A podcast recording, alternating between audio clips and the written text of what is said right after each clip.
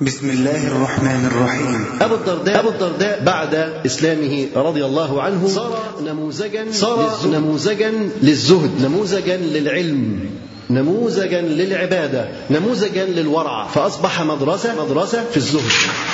أبو الدرداء رضي الله عنه كان يدفع الدنيا بالراحتين والصبر رجال لا تلهيهم تجارة ولا بيع عن ذكر الله أبو الدرداء ترك هذه التجارة غير متردد ولا آسف على هذا ولا آسف على لابد من الإنسان يعرف هدف عايز توصل إلى ربك سبحانه وتعالى هدف واضح طيب ما هي المعوقات التي تعوق هذا الهدف وفي خلال وجود أبي الدرداء في بلاد الشام قدم عليه أمير المؤمنين عمر بن الخطاب فدفع الباب فاندفع الباب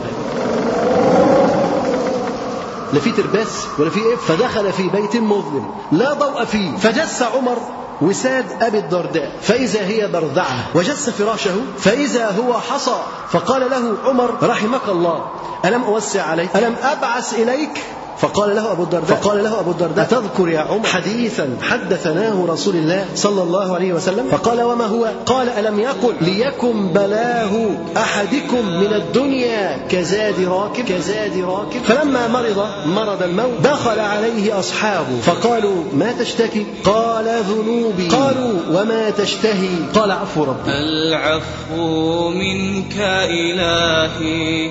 والذنب جاء من والظن فيك جميل بسم الله الرحمن الرحيم يسر موقع صوت السلف صوت السلف أن يقدم لكم هذه المادة والتي هي بعنوان أبو الدرداء مدرسة في الزهد إن الحمد لله نحمده ونستعينه ونستغفره يهديه الله فلا مضل له ومن يضلل فلا هادي له واشهد ان لا اله الا الله وحده لا شريك له واشهد ان محمدا عبده ورسوله صلى الله عليه وسلم ثم اما بعد نبدا الليله بمشيئه الله في قصه الصحابي الجليل ابو الدرداء رضي الله عنه ابو الدرداء رضي الله عنه ولما راى التجاره تنغص عليه لذة العبادة وتفوت عليه مجالس العلم تركها غير متردد ولا آسف طبعا أبو الدرداء كان زي ما قلنا كان تاجر ايه؟ كان تاجر كبير تاجر كبير كل شويه استيراد وتصدير وجاي له من اليمن وجاي له من الشام وجاي له من هنا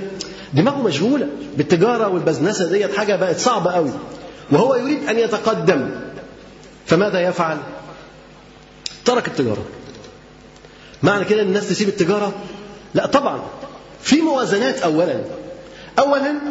يجب عليك ان تجمع بين التجاره أي بين العمل وبين العبادة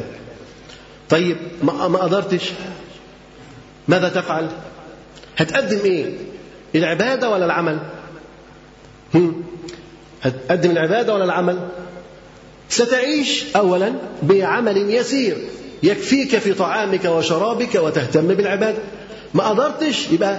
هتهتم بالعبادة لأن العبادة هي الأساس افرض واحد ما عندوش دخل ما عندوش مؤونة يسأل الناس ويتعبد أم يعمل يسيرا ويتعبد يسيرا لا يعمل يسيرا ويتعبد يسيرا لكن لا يسأل الناس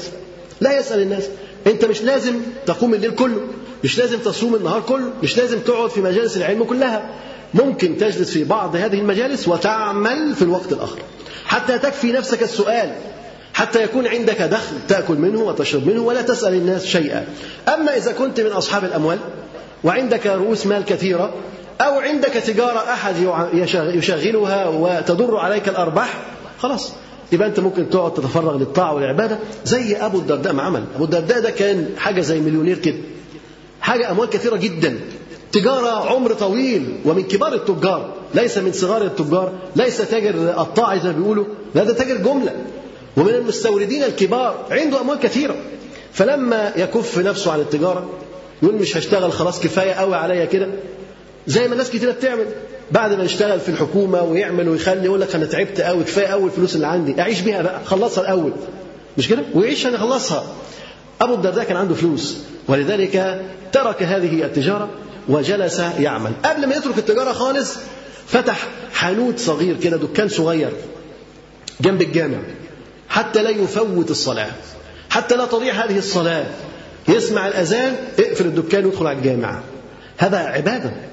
هذه عبادة حرص على الطاعة وحرص على عبادة الله تبارك وتعالى ترك هذه التجارة غير متردد ولا آسف على هذا لابد أن الإنسان يعرف هدفه عايز توصل إلى ربك سبحانه وتعالى هدف واضح طيب ما هي المعوقات التي تعوق هذا الهدف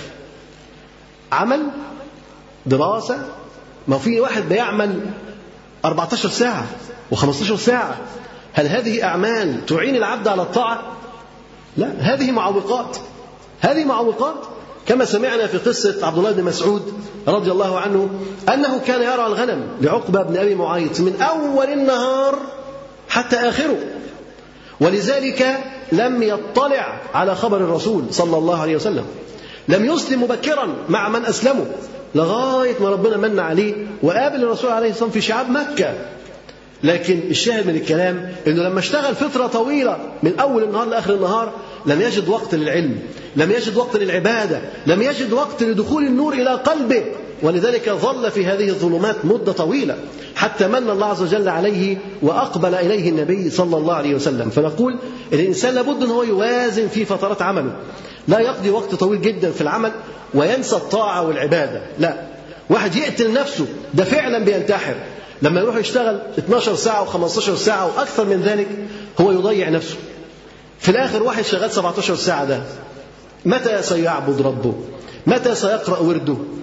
متى سيصوم كيف سيقوم ممكن يعمل حاجة ده مستحيل ده لو كان جبل تلج هيسيح وفي الآخر لن يكون شيء سيزول تماما وهو اللي هيدوب نفسه وهو اللي هيقتل نفسه وهو اللي هيكون سبب في خسارة نفسه والعياذ بالله ولذلك أبو الدرداء حسبها لقى أن الجهد المبذول قد يفوت عليه خير عظيم فترك التجارة غير آسف عرف المعوقات تخلص من هذه المعوقات قال وقد سأله في ذلك سائل واحد بيسأله أنت ليه تركت التجارة فقال لقد كنت تاجرا قبل عهدي برسول الله صلى الله عليه وسلم فلما أسلمت أردت أن أجمع بين التجارة والعبادة يعني هو حاول فعلا أنه يجمع بين التجارة والعبادة لكن قدر ما قدرش يجمع بينهم قال فلم يستقم لي ما أردت فتركت التجارة وأقبلت على العبادة أولويات ايه اولويات حياتك العباده ولا التجاره لازم توزنها اولويات حياه ابو الدرداء كانت العباده فقدم العباده على التجاره وانت لابد ان ترتب اولويات حياتك لابد ان تبحث لنفسك عن معاش وكذلك ترتب اولويات حياتك ما هو الاهم بالنسبه لك ما هو الذي يقربك إلى ربك تبارك وتعالى فقال رضي الله عنه والذي نفس أبي الدرداء بيده ما أحب أن يكون لي اليوم حانوت على باب المسجد فلا تفوتني صلاة مع الجماعة حانوت صغير دكان صغير بس كده جنب الجامع ما تفوتوش صلاة جماعة وده الحرص على الصلاة أكثر من البيع والشراء ثم قال إني لا أقول إن الله عز وجل حرم البيع طبعا ما في واحد يقول لك انت يعني ده حرام يعني حرام التجاره حرام الشغل فابو الدرداء رضي عنه عنده فقه فقال لا اقول ان البيع او ان الله عز وجل حرم البيع ولكن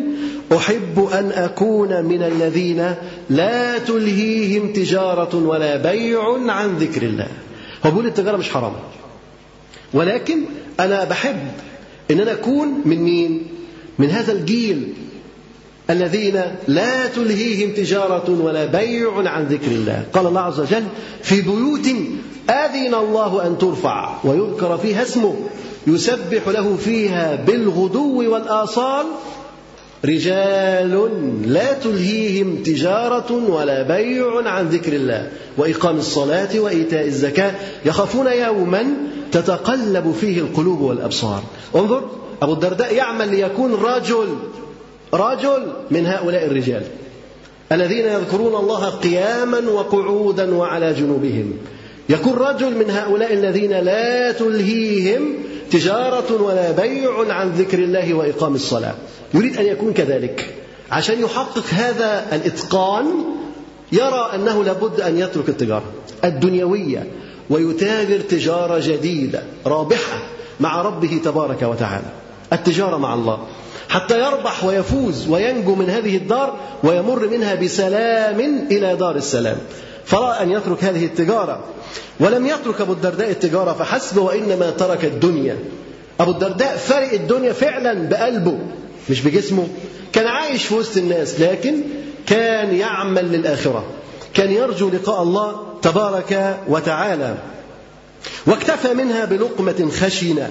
تقيم صلبه وثوب صفيق يستر جسده هو ده الزهد هو ده الزهد الحقيقي ان الدنيا ما تبقاش في قلبه تبقى في ايديه عنده فلوس كتيره لكن الدنيا في ايديه ينفق ويبذل لله سبحانه وتعالى وهو ياكل شيء يسير ويلبس شيء يسير الاكل مش هو اللي شغله الملابس مش هي اللي شغلاه احنا ساعات بتشغلنا الحاجات ديت كتير جدا نفضل نتزين ونفضل مشغولين بالقميص مقطوع لا مش مقطوع مكوي لا مش مكوي طويل لا قصير ونفضل مشغولين بالكلام ده والبنطلونات والبلوزات والتيشيرتات مشغولين مهمومين مهمومين بالاكل والشرب ايه النوعيه ديت وسندوتشات ايه وبتاع ايه ابو الدرداء ما كانش يفكر في الكلام ده لا تلهيه هذه الاشياء لا طعام ولا شراب ولا ملابس كل الكلام دوت لا يهمه كيف يتقرب الى الله هذا هو المهم كيف يصل إلى الله عز وجل هذا هو ما يشغل باله رضي الله عنه قال واكتفى منها بلقمة خشنة تقيم صلبه وثوب صفيق يستر جسده فقد نزل به جماعة في ليلة شديدة القر نحكي لنا موقف لناس ضيوف نزلوا عليه في ليلة باردة شديدة البرد ماذا فعل بهم تفتكر يعمل ايه هو راجل ابو الدرداء هي هيضيفهم ازاي فنزلوا به في ليلة شديدة البرد قاسية فأرسل إليهم طعاما ساخنا طعام عشان إيه؟ حاجة سخنة عشان يتدفوا طبعا مش مشويات ولا كلام من ده ديت ليها إيه؟ سريد أو طعام ساخن يأكله ولم يبعث إليهم باللحف بعت أكل لكن ما بعتش إيه؟ غطا ما بعتش غطيان عشان يستغطوا بيها فلما هموا بالنوم جعلوا يتشاورون في أمر اللحف فقال واحد منهم أنا أذهب إليه وأكلمه عايزين يناموا أكلوا خلاص وعايزين ينام طب الصلاة طب إيه واحد قال يا إخواننا أنا أكلمه التاني يقول له لا عيب يا راجل استنى شوية يمكن يجيب لنا الغطا طب التاني استنوا شوية طب أروح أكلمه لا لا لا استنى حبة لا الغطا زمانه جاي وقعدوا صبروا في بعضيهم والغطا مش عايز يجي فالمهم واحد قام بقى راح يتكلم فذهب حتى يكلمه طبعا القوة زي ما قلنا ملهاش بيبان أو بيبان بسيطة فأقبل على بابه فرأى امرأته جالسة وهو مضطجع وعليه ثوب خفيف نايم مستغطي بس مستغطي بايه؟ بثوب خفيف جدا لا يقي من البرد قال الرجل يعني آه، لا تذهب اليه يعني قال صعب ما تروحلوش استنى شويه يمكن يجيب لنا قال فمضى اليه حتى وقف على باب حجرته صاحبه قال له استنى ما تروحش قال لك انا رايح احنا سقعانين فمضى إليه حتى وقف على باب حجرته فرآه قد اضطجع وامرأته جالسة قريبا منه ليس عليها وعليه إلا ثوب خفيف لا يقي من حر ولا يصون من برد هي هو مش يدوبك معاهم ثوب خفيف جدا لا هيدفي ولا هيحميهم من البرد القارس بتاع دمشق فبرد شديد جدا في المدينة فأراد أن يسأله فقال لأبي الدرداء ما أراك بت إلا كما نبيت نحن أنا مش شايفك نايم زي ما احنا نايمين ما عندكش غطا زي ما احنا عايزين فين الغطا اللي عندكم أين الغطيان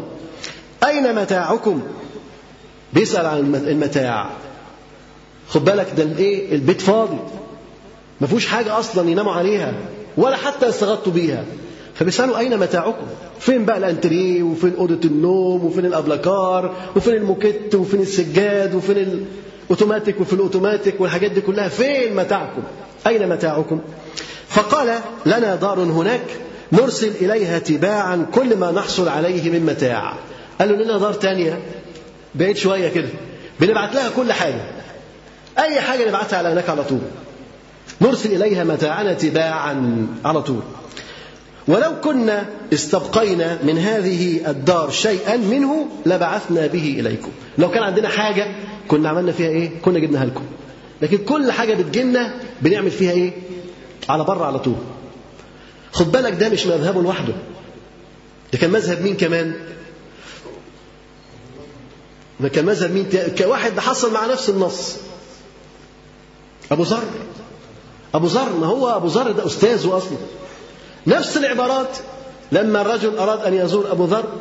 فبص ما لقاش حاجه خالص في البيت قال اين متاعكم قال لنا بيت هناك نرسل إليه متاعنا تباعا نفس العبارات ونفس الجمل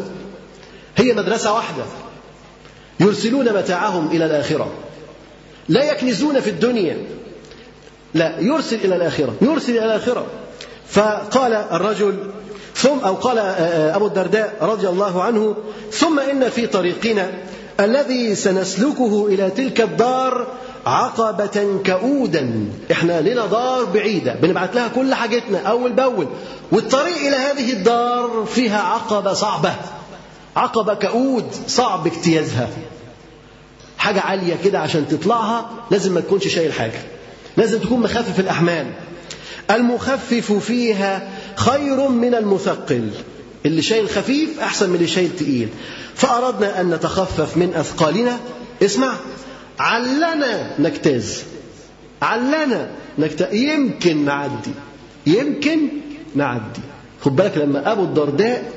يقول يمكن نعدي شوف بقى احنا المغرورين بنقول ايه ده غرور مش كده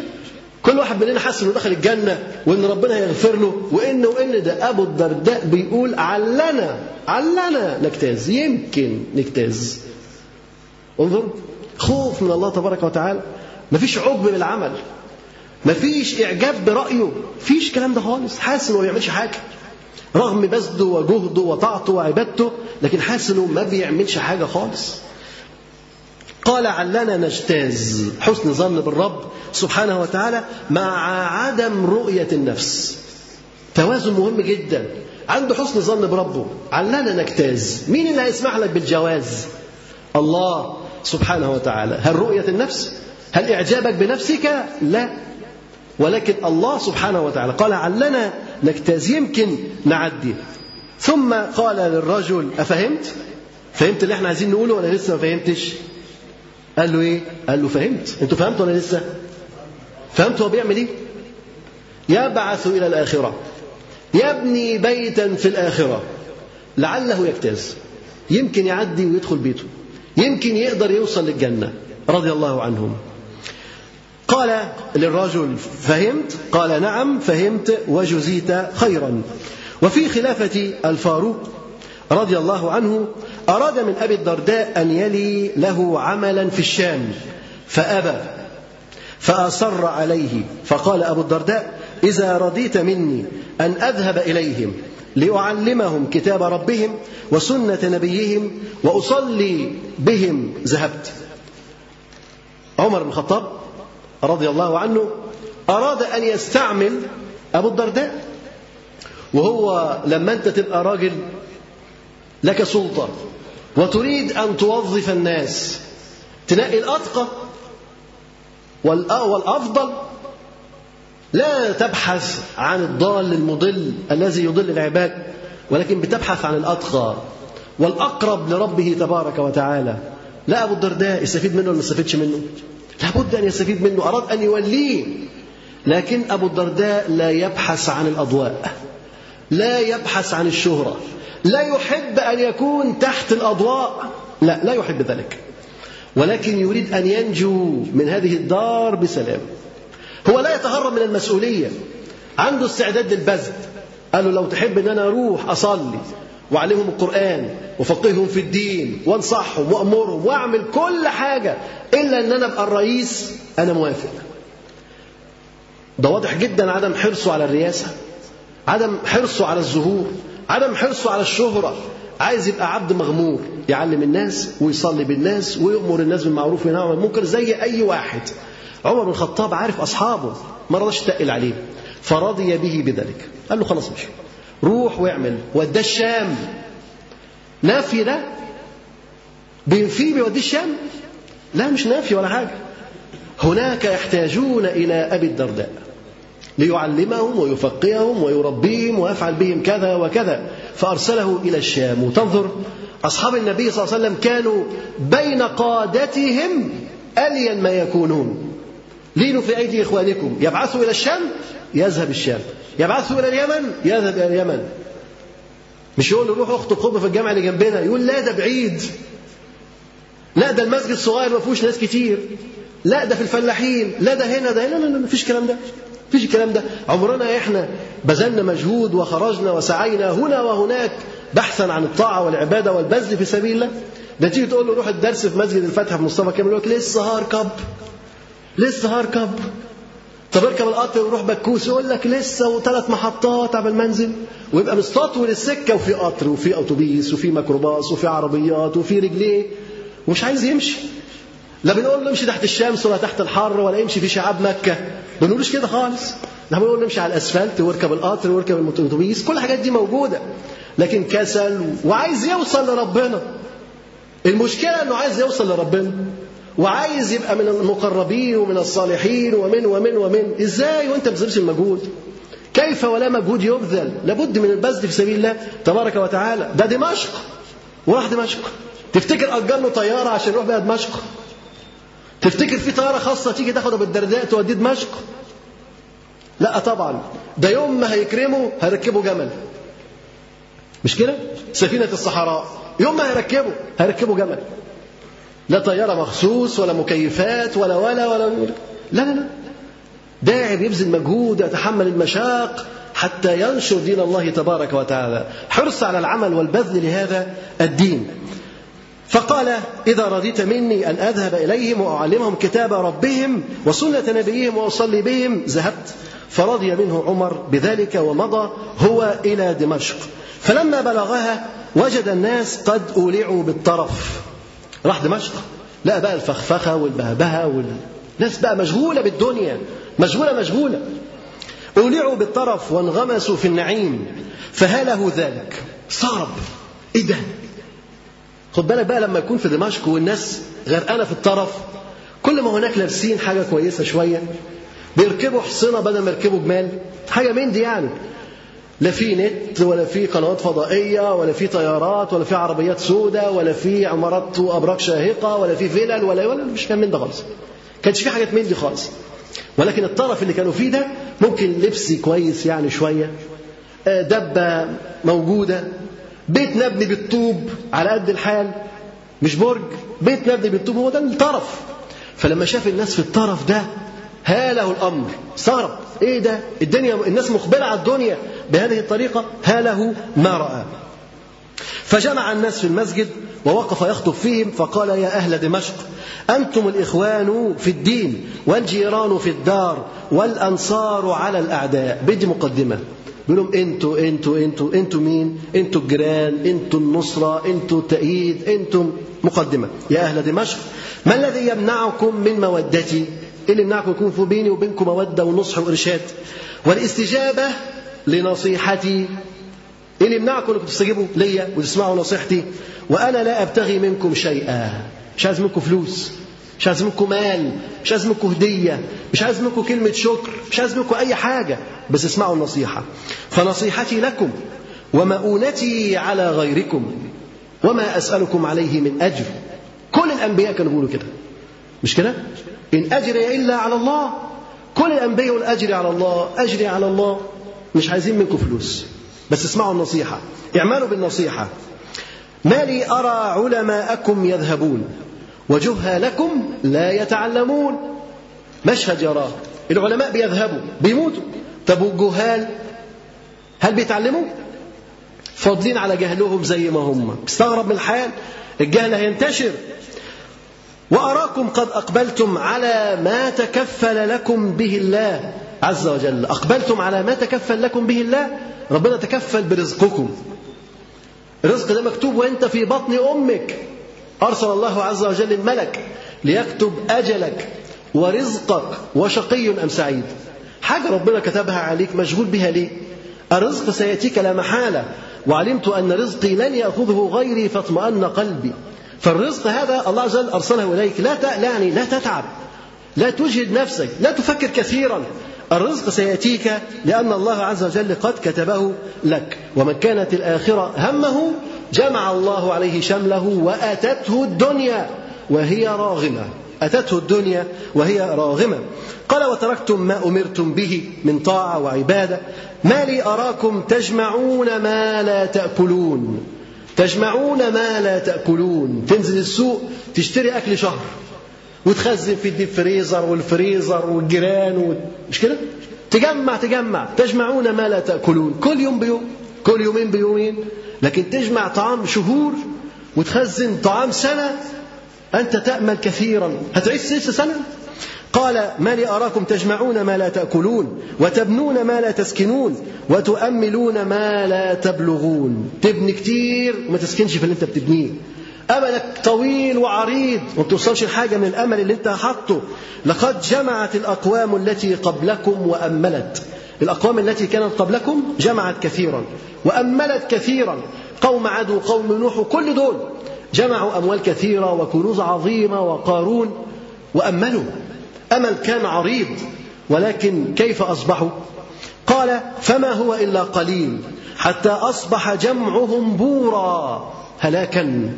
وأملهم غرورا لا حقيقة له وبيوتهم قبورا هذه البيوت التي كانوا يبنونها ويعمرونها أصبحت قبور لهم تقول قبور آه قبور بص للأهرام عندنا إيه الأهرام دي ده قبر خوفو وقبر خفرع ولا اسمه ايه الثاني ده خوفو وخفرع ومقرع مش كده قبور هرم سقارة ده قبر ده قبر فعلا ده فيه جثث تحت مدفون بنوا إيه؟ بنوا بيوت وقصور بقت قبور بالنسبة لهم أصبح القبور حضارة القبور وبيوتهم قبورا هذه عاد يا أهل دمشق قد ملأت الأرض مالا وولدا في أكثر من عاد ملت الأرض بيوت وعمران وأموال وذرية فمن يشتري مني تركة عاد اليوم بدرهمين من يشتري تركة عاد كلها بقى مين يشتري أراضيهم وبيوتهم وكل اللي عملوه مين يشتري بدرهمين لا أحد يشتري لا أحد يشتري فجعل الناس يبكون حتى سمع نشيجهم من خارج المسجد الناس جوه المسجد تبكي تبكي تبكي وده بيبين لك ان الناس محتاجه ايه النصيحه الناس الناس محتاجه اللي يذكرها اللي يعظها اللي ياخذ بايديها الى طريق الله عز وجل حتى وان كانوا مغمورين في الذنوب والمعاصي والدنيا والشهوات لكن محتاجين اللي بايديهم محتاجين الذي ينقذهم من هذه النار وهذه الدنيا لابد ان يبذل الداعي وقته وجهده في انقاذ الناس من النار ومنذ ذلك اليوم بعد ما نصحهم النصيحه العامه ديت ومنذ ذلك اليوم طفق ابو الدرداء يؤم مجالس الناس في دمشق بعد النصيحه العامه دي ما سكتش بقى يقول لك انا عملت اللي عليا أنا بلغتهم كلهم لا ده بقى يلف يطوف في المجالس يروح هنا ويروح هنا ويروح هنا يكلم دول يكلم دول إذا بعد نصيحتك العامة محتاج تعمل إيه؟ محتاج تتوجه إلى الناس لعلاج مشاكلهم الخاصة يعالج ده ويعالج ده ويعالج ده حتى يتغير المجتمع حتى يعود وجه جديد لهذا المجتمع بعد ما الناس كانت منغمرة في الدنيا ومغموسة في الدنيا ترجع إلى الله تبارك وتعالى ومنذ ذلك اليوم تفق أبو الدرداء يؤم مجالس الناس في دمشق ويطوف بأسواقهم فيجيب السائل ويعلم الجاهل وينبه الغافل مغتنما كل فرصة مستفيدا من كل مناسبة الداعي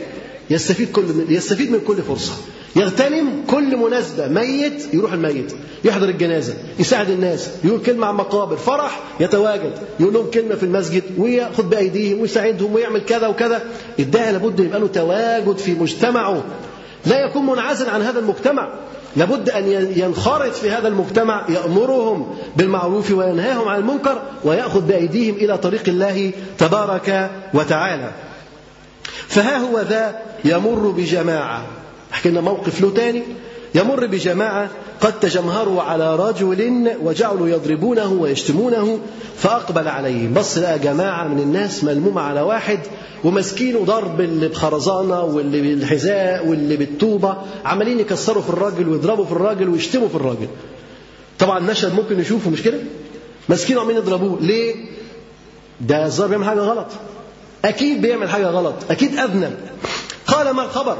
قرب عليهم وقال ما الخبر قالوا رجل وقع في ذنب كبير اللي بيتضرب ده ده راجل وقع في ذنب كبير عمل مصيبة وقع في ذنب كبير وهم عشان وقع في ذنب كبير بيعملوا ايه بيضربوه هل هذا علاج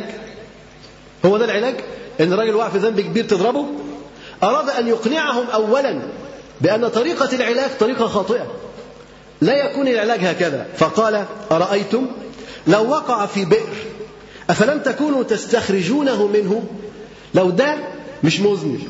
ولقيته واحد وقع في بئر كنت هتعملوا ايه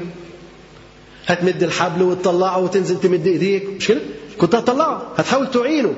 طب ما اللي وقع في ذنب دوت زي اللي وقع في بئر بالظبط بالظبط ده وقع في بئر المعاصي والظلمات والذنوب زل لابد أن تاخذ بيده تخرجه من هذا البئر أولا مش واقع في البئر تضربه بالعصاية عشان تموته لا فقال أرأيتم لو وقع في بئر أكنتم تستخرجونه منه قالوا بلى قال لا تسبوه ولا تضربوه وإنما عظوا وبصروا تضربوش تشتموش عظوا ادوا موعظة بصروا عرفوا الصواب من الخطأ واحمدوا الله الذي عافاكم من الوقوع في ذنبه لازم تستشعر منة ربنا كان ممكن تكون أنت المذنب كان ممكن تكون أنت اللي واقع في البير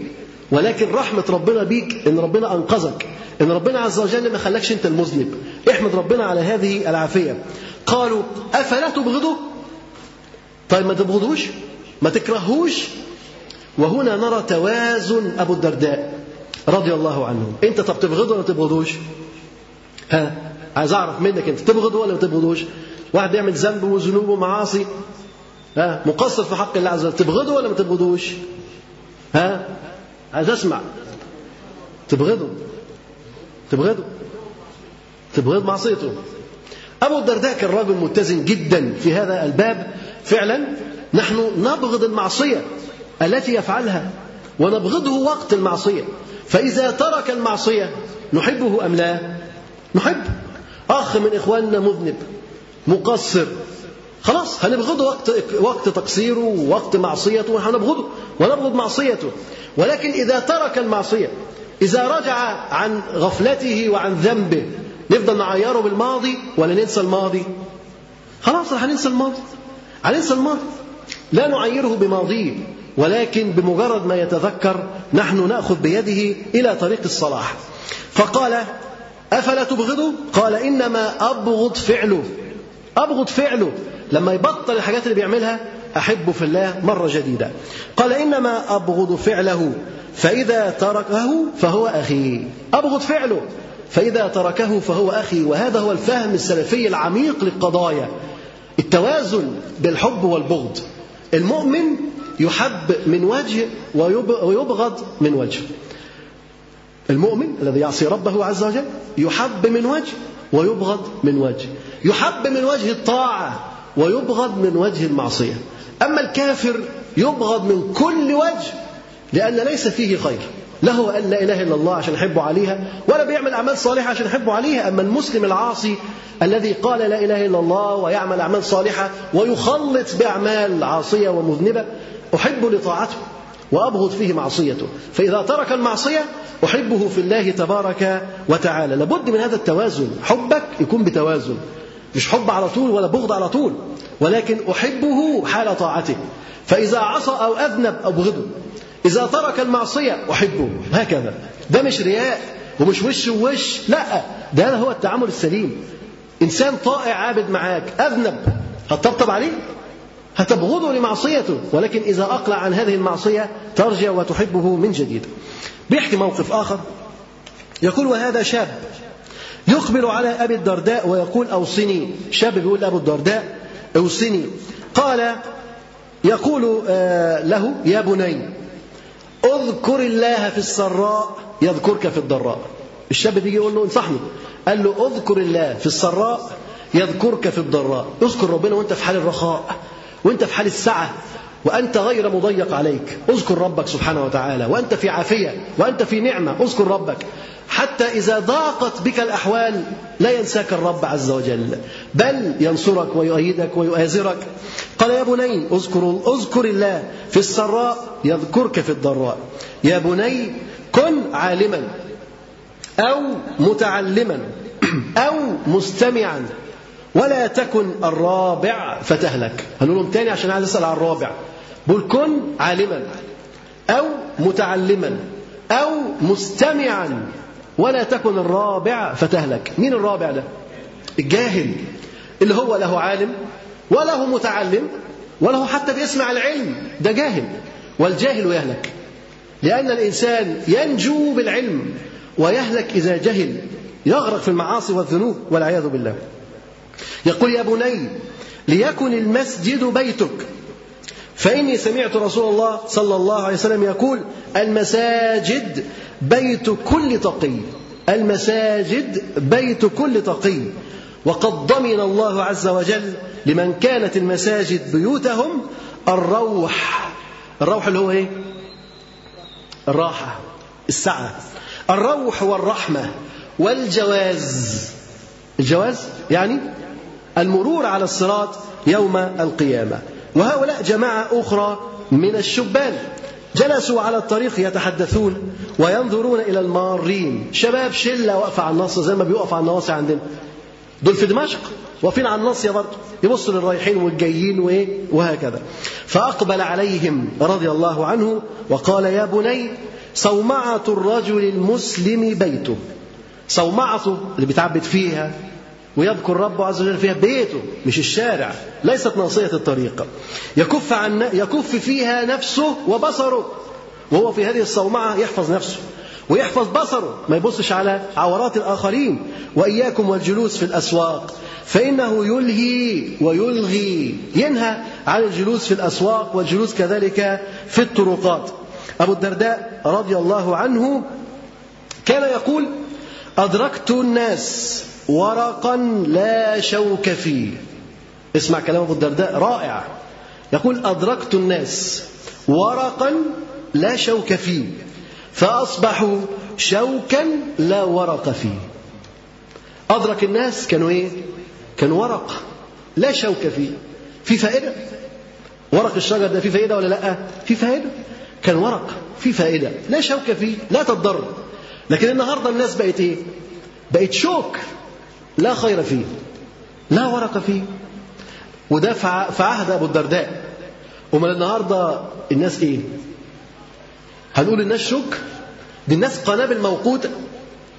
الناس قنابل موقوتة تضرك تأذيك ومع ذلك لابد أن تختلط بالمجتمع وتقي نفسك من شرورهم فقال رضي الله عنه أدركت الناس ورقا لا شوك فيه فأصبحوا شوكا لا ورق فيه إن نقدتهم نقدوك إيه بقى إيه الشوك ده إن نقدتهم نقدوك تيجي تنصحه وتكلمه يطلع لك ألف رد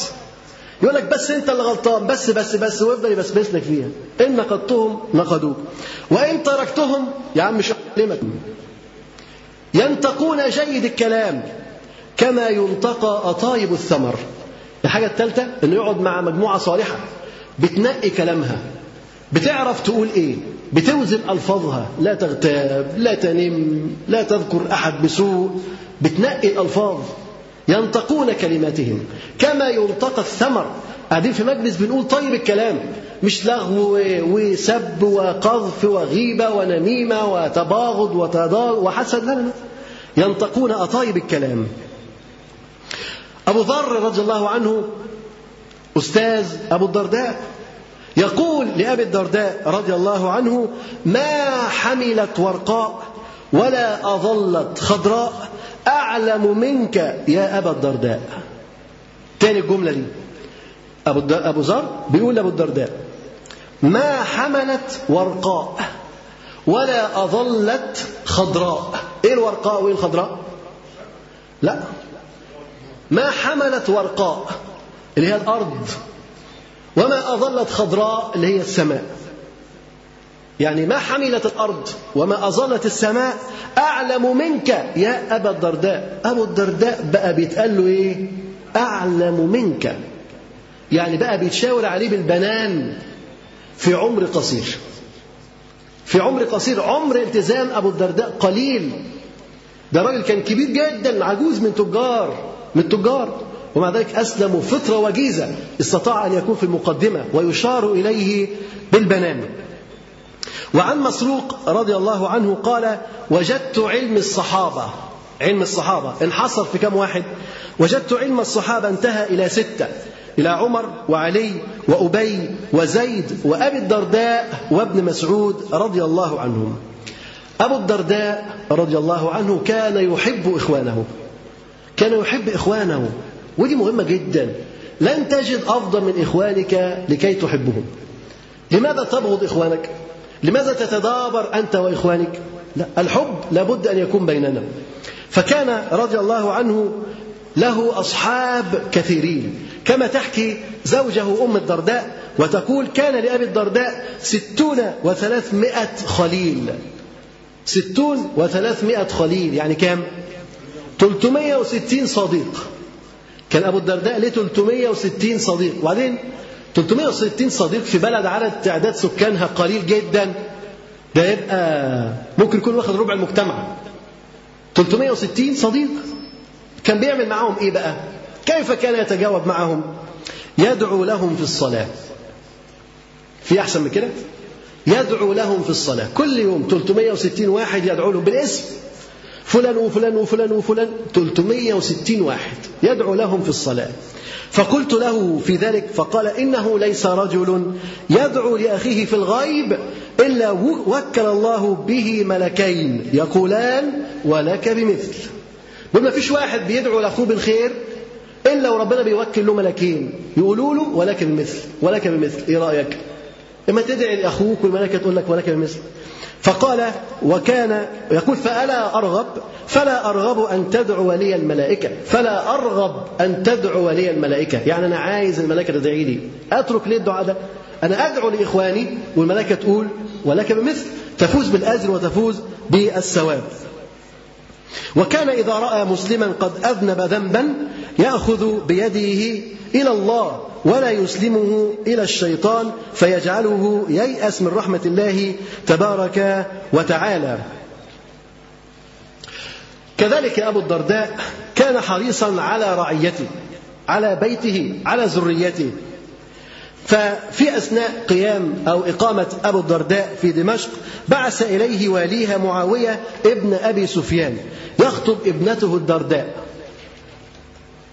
معاوية ابن أبي سفيان بيخطب بنته الدرداء لمين؟ لابنه اللي هو يزيد بن معاوية يعني بنت أبو الدرداء عاي... يعني عايز ياخدها ليزيد ابن معاوية يزيد ده ابن الأمير ابن الأمير يترفض ما اترفضش لا اظن ما اترفضش ده انت هتقول عايزه قصر هيجي لها القصر عايزه ذهب هيجي لها الذهب عايزه كذا وكذا من حطام الدنيا هيجي لها مش هيجي لها هيجي لا يرفض ابن الامير لكن فابى ان يزوجها له ابو الدرداء رفض رفض دي فضيحه دي مصيبه البلد كلها راح تتكلم ان ابو الدرداء ايه رفض قال واعطاها لشاب من عامه المسلمين رضي دينه وخلقه ما اداش لابن الامير لا لا لا لواحد عادي جدا من عامة المسلمين المهم أنه رضى دينه وخلقه والنبي صلى الله عليه وسلم يقول إذا أتاكم من ترضون دينه وخلقه فزوجوه فهو لا ده صاحب دينه وخلق فجوزه طبعا الناس هتتكلم فصار ذلك في الناس وجعلوا يقولون خطب يزيد بن معاوية بنت أبي الدرداء فردها أبوها وزوجها لرجل من عامة المسلمين الناس تتكلم بقى قصة قصة كبيرة الناس قاعدة تتكلم مجتمع والناس بتتكلم فيه فسأل سائل عن سبب ذلك واحد بيسأل أبو الدرداء عملت كده ليه فقال إنما تحريت فيما صنعته صلاح أمر الدرداء قال أنا عملت كده عشان خاطر بنتي الدرداء رأى صلاحها في ذلك إزاي هي لو كانت عند رجل فقير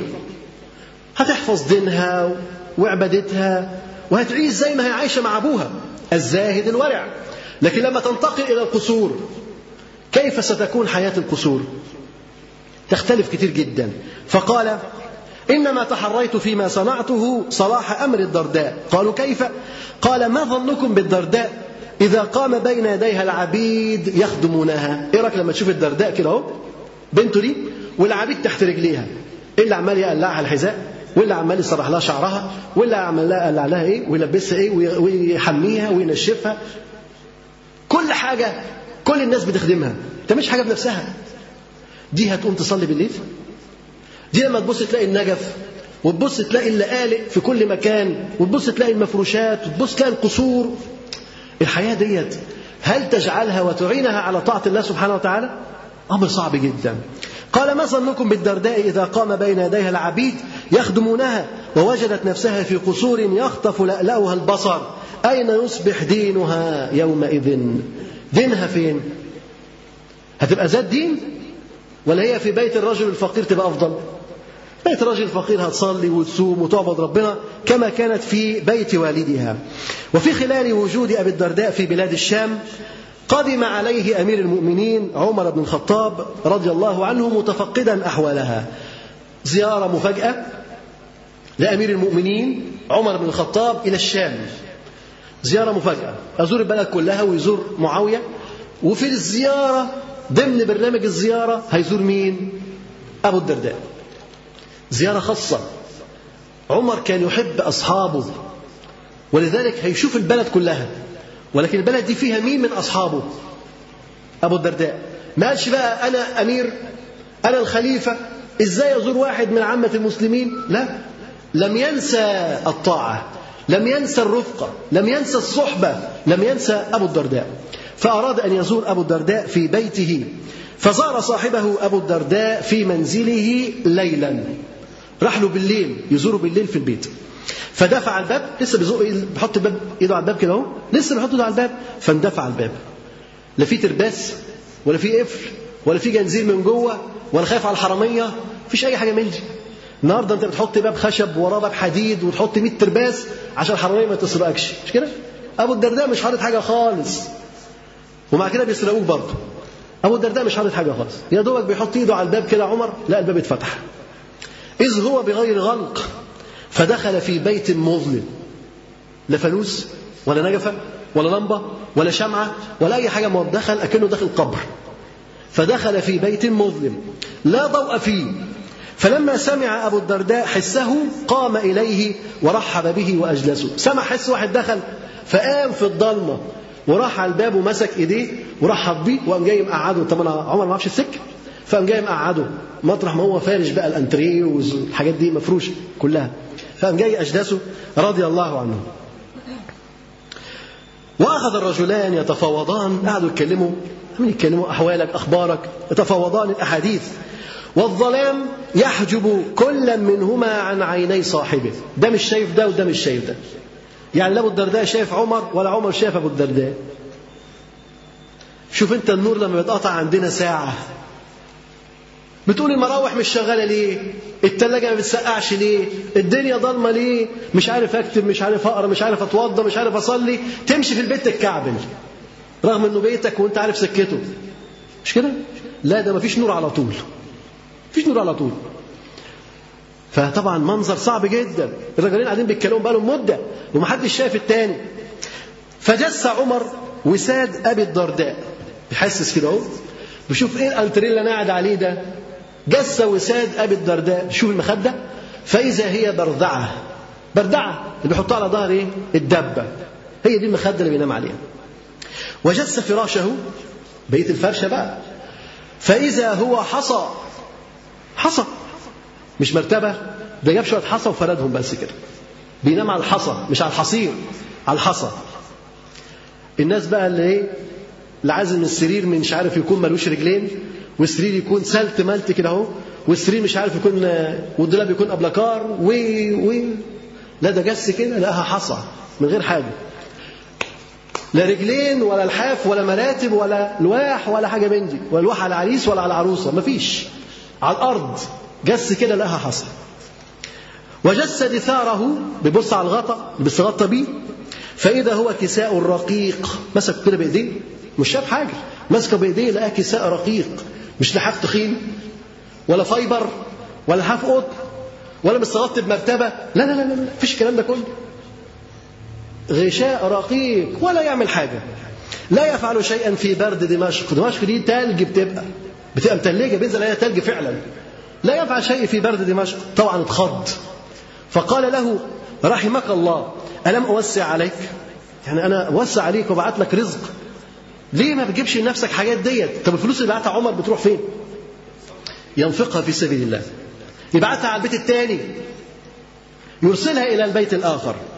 قال ألم أوسع عليك ألم أبعث إليك فقال له أبو الدرداء أتذكر يا عمر حديثا حدثناه رسول الله صلى الله عليه وسلم بيقول له بعت لك فلوس كتير انت فين مش عامل حاجه ليه؟ قال له انت فاكر حديث قاله لنا النبي صلى الله عليه وسلم؟ فقال له انه حديث؟ حديث كتيره جدا انه حديث تقصد؟ فقال وما هو؟ قال الم يقل ليكن بلاه احدكم من الدنيا كزاد راكب ليكن بلاغ احدكم من الدنيا كزاد راكب يعني حاجتك اللي انت عايزها من الدنيا كزاد راكب واحد راكب على دبه ورايح مشوار يبقى حاجته من الدنيا اللي انت محتاجه بس في السفر مش ده اللي قاله لنا النبي صلى الله عليه وسلم ليكن بلاغ أحدكم من الدنيا كزاد راكب طبعا والنبي عليه الصلاة والسلام كان دايما يقول اللهم اجعل رزق آل محمد قوتا اللهم اجعل رزق آل محمد قوتا يعني كان بدعي ربنا ان رزق النبي صلى الله عليه وسلم وبيته يكون قوت على قد الجاي ياكل بس مفيش حاجه تتدخر مين يجرؤ ان يدعي لنفسه ولا يقول على نفسه ويقول اللهم اجعل رزق آل فلان قوتا يعني الجاي على قد الرايح ولا كلنا عايزين نحوش وكلنا هنقول طب مين يضمن المستقبل وكلنا هنقول مش يمكن الولاده تيجي قيصريه لازم يكون في قرشين في البيت ويمكن ولا يسخن نوديه المستشفى ويمكن مش عارف ايه عشان نجيب الدواء ويمكن تجي لنا ضيوف عشان نجيب الاكل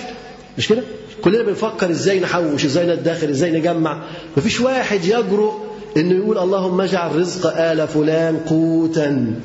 والنبي عليه الصلاة والسلام كان يقول اللهم اجعل رزق آل محمد قوتا لا له ولا عليه اللي يجي يتاكل وخلاص يتصرف ما فيش حد عايز منه ديون واللي جاي على قد الرايح قال ألم يكن النبي صلى الله عليه وسلم ليكن بلاغ أحدكم من الدنيا كزاد راكب قال بلى قال فماذا صنعنا بعد يا عمر عملنا إيه بعديه بقى فعلا الزاد عندنا كزاد راكب ولا أكلنا وشربنا وخزنا وبنينا وعملنا قال فماذا فعلنا بعد يا عمر فبكى بكى عمر رضي الله عنه حس بالتفريط حس بالتقصير الدنيا شغلتنا ولا الإمارة شغلتنا ولا انشغلنا فبكى عمر وبكى أبو الدرداء رضي الله عنه وما زال يتجاوبان البكاء حتى طلع عليهما الصبح ده راح يزوروا بالليل الزيارة طولت كلها بكاء ده بكاء الصادقين ده بكاء المخلصين مش رياء وسمعة وشهرة لا هو ده البكاء الحقيقي حتى البكاء فيه إخلاص آه طبعا البكاء فيه إخلاص مش كل دمعة تجري من العين دمعة مخلصة وليس كل دمعة تخرج من العين تقي صاحبها حر جهنم النبي عليه الصلاة والسلام قال فعلا عينان لا تمسهما النار عين بكت من خشية الله وعين باتت تحرس في سبيل الله فمش أي دمعة التي لا تمسها النار ولكن الدموع التي تنزل من خشية الله فلا خير في عين لا تبكي يعني من خشية الله أما الدموع اللي بتجري بدون سبب وبسبب الدموع التقليد الدموع الرياء وسمعة هذه لا قيمة لها عمر رضي عنه وأبو الدرداء ليلة بحالها سهرانين بكاء بكاء بكاء رضي الله عنهما ظل أبو الدرداء في دمشق يعظ أهلها ويذكرهم ويعلمهم الكتاب والحكمة حتى أتاه اليقين يعمل لدين الله لغاية آخر لحظة في حياته مفيش حاجة اسمها أنا كبرت أنا عجزت أنا قمت بالله عليا يدعو إلى الله حتى يموت حتى يموت فلما مرض مرض الموت دخل عليه أصحابه فقالوا ما تشتكي خلاص مرض بقى مرض شديد جدا دخل على أصحابه يشتكي من إيه؟ ما تشتكي؟ انظر ده أبو الدرداء رضي الله عنه بيقولوا له ماذا تشتكي؟ قال ذنوبي ده أبو الدرداء يقول ذنوبي قالوا وما تشتهي قال عفو ربي إذا شكوته من إيه؟ من ذنوبه النهارده لو واحد قلت له انت ايه شكوتك تشتكي من ايه يقول لك من الفقر مش كده تشتكي من ايه الازمه الاقتصاديه تشتكي من ايه مش لاقي مش لاقي مش لاقي هي دي شكوته لكن شكوى ابو الدرداء غير ما تشتكي ذنوبي هي دي سبب كل بليه هي دي سبب كل ازمه سواء كانت اقتصاديه ولا سياسيه ولا عسكريه الذنوب لما هزم الجيش هزم بالذنب مش غير فقال ذنوبي طب ماذا تشتهي نفسك في ايه طبعا خلي بالكم من عيالي والورث والتركة واللي واللي نفسي ونفسي لا قال وما تشتهي قال عفو ربي وضوح الهدف لآخر لحظة الهدف واضح بيعاني من ذنوبه تفتكر واحد بيعاني من ذنوبه ممكن يرتكب الذنوب والمعاصي ممكن يغرق في الزلات مش ممكن طبعا هذا يشتكي ذنبه ويسأل وينتظر عفو ربه تبارك وتعالى ربانية الحياة عايش في الدنيا كلها ليعبد ربه تبارك وتعالى لا غير ثم قال لمن حوله لقنوني لا إله إلا الله ده بيقول لهم لقنوني لا إله إلا الله امال هو قال إيه ده هو اللي قال لا إله إلا الله هو قال لقنوني لا إله إلا الله محمد رسول الله فما زال يرددها حتى فارق الحياة يعني ده مات ولسانه رطب بذكر إيه؟ بذكر الله لسانه رطب بذكر الله يقول لا إله إلا الله ده توفي سنة 32 هجرية رضي الله عنه ولما لحق أبو الدرداء بجوار ربه رأى عوف بن مالك الأشجعي فيما يراه النائم مرجا أخضر فسيح الأرجاء وارف الأفياء فيه قبة عظيمة من أدم حولها غنم رابضة لم ترى العين مثلها قط عوف بن مالك الأشجعي بعد ما وفاة أبو الدرداء رأى في المنام إن في مكان فسيح جدا أخضر وفيه غنم وفيه قبة زي القصر كده هو حاجة عظيمة جدا سأل دي بتاعت مين فقالوا دي بتاعت عبد الرحمن بن عوف بتاعت مين الحاجات العظيمة دي قالوا لعبد الرحمن بن عوف فطلع عليه عبد الرحمن بن عوف يعني هو في المنام بيسأل بتاعت مين دي قالوا له دي بتاعت عبد الرحمن بن عوف فعبد الرحمن بن عوف في المنام طلع له من القبة فاخترع عليه عبد الرحمن من القبة وقال له يا ابن مالك يعني عوف بن مالك هذا ما أعطانا الله عز وجل بالقرآن بسبب القرآن كل اللي أنت شايفه ده بسبب القرآن ولو أشرفت على هذه الثانية لو بصيت على الطريق الجاي ده الناحية الثانية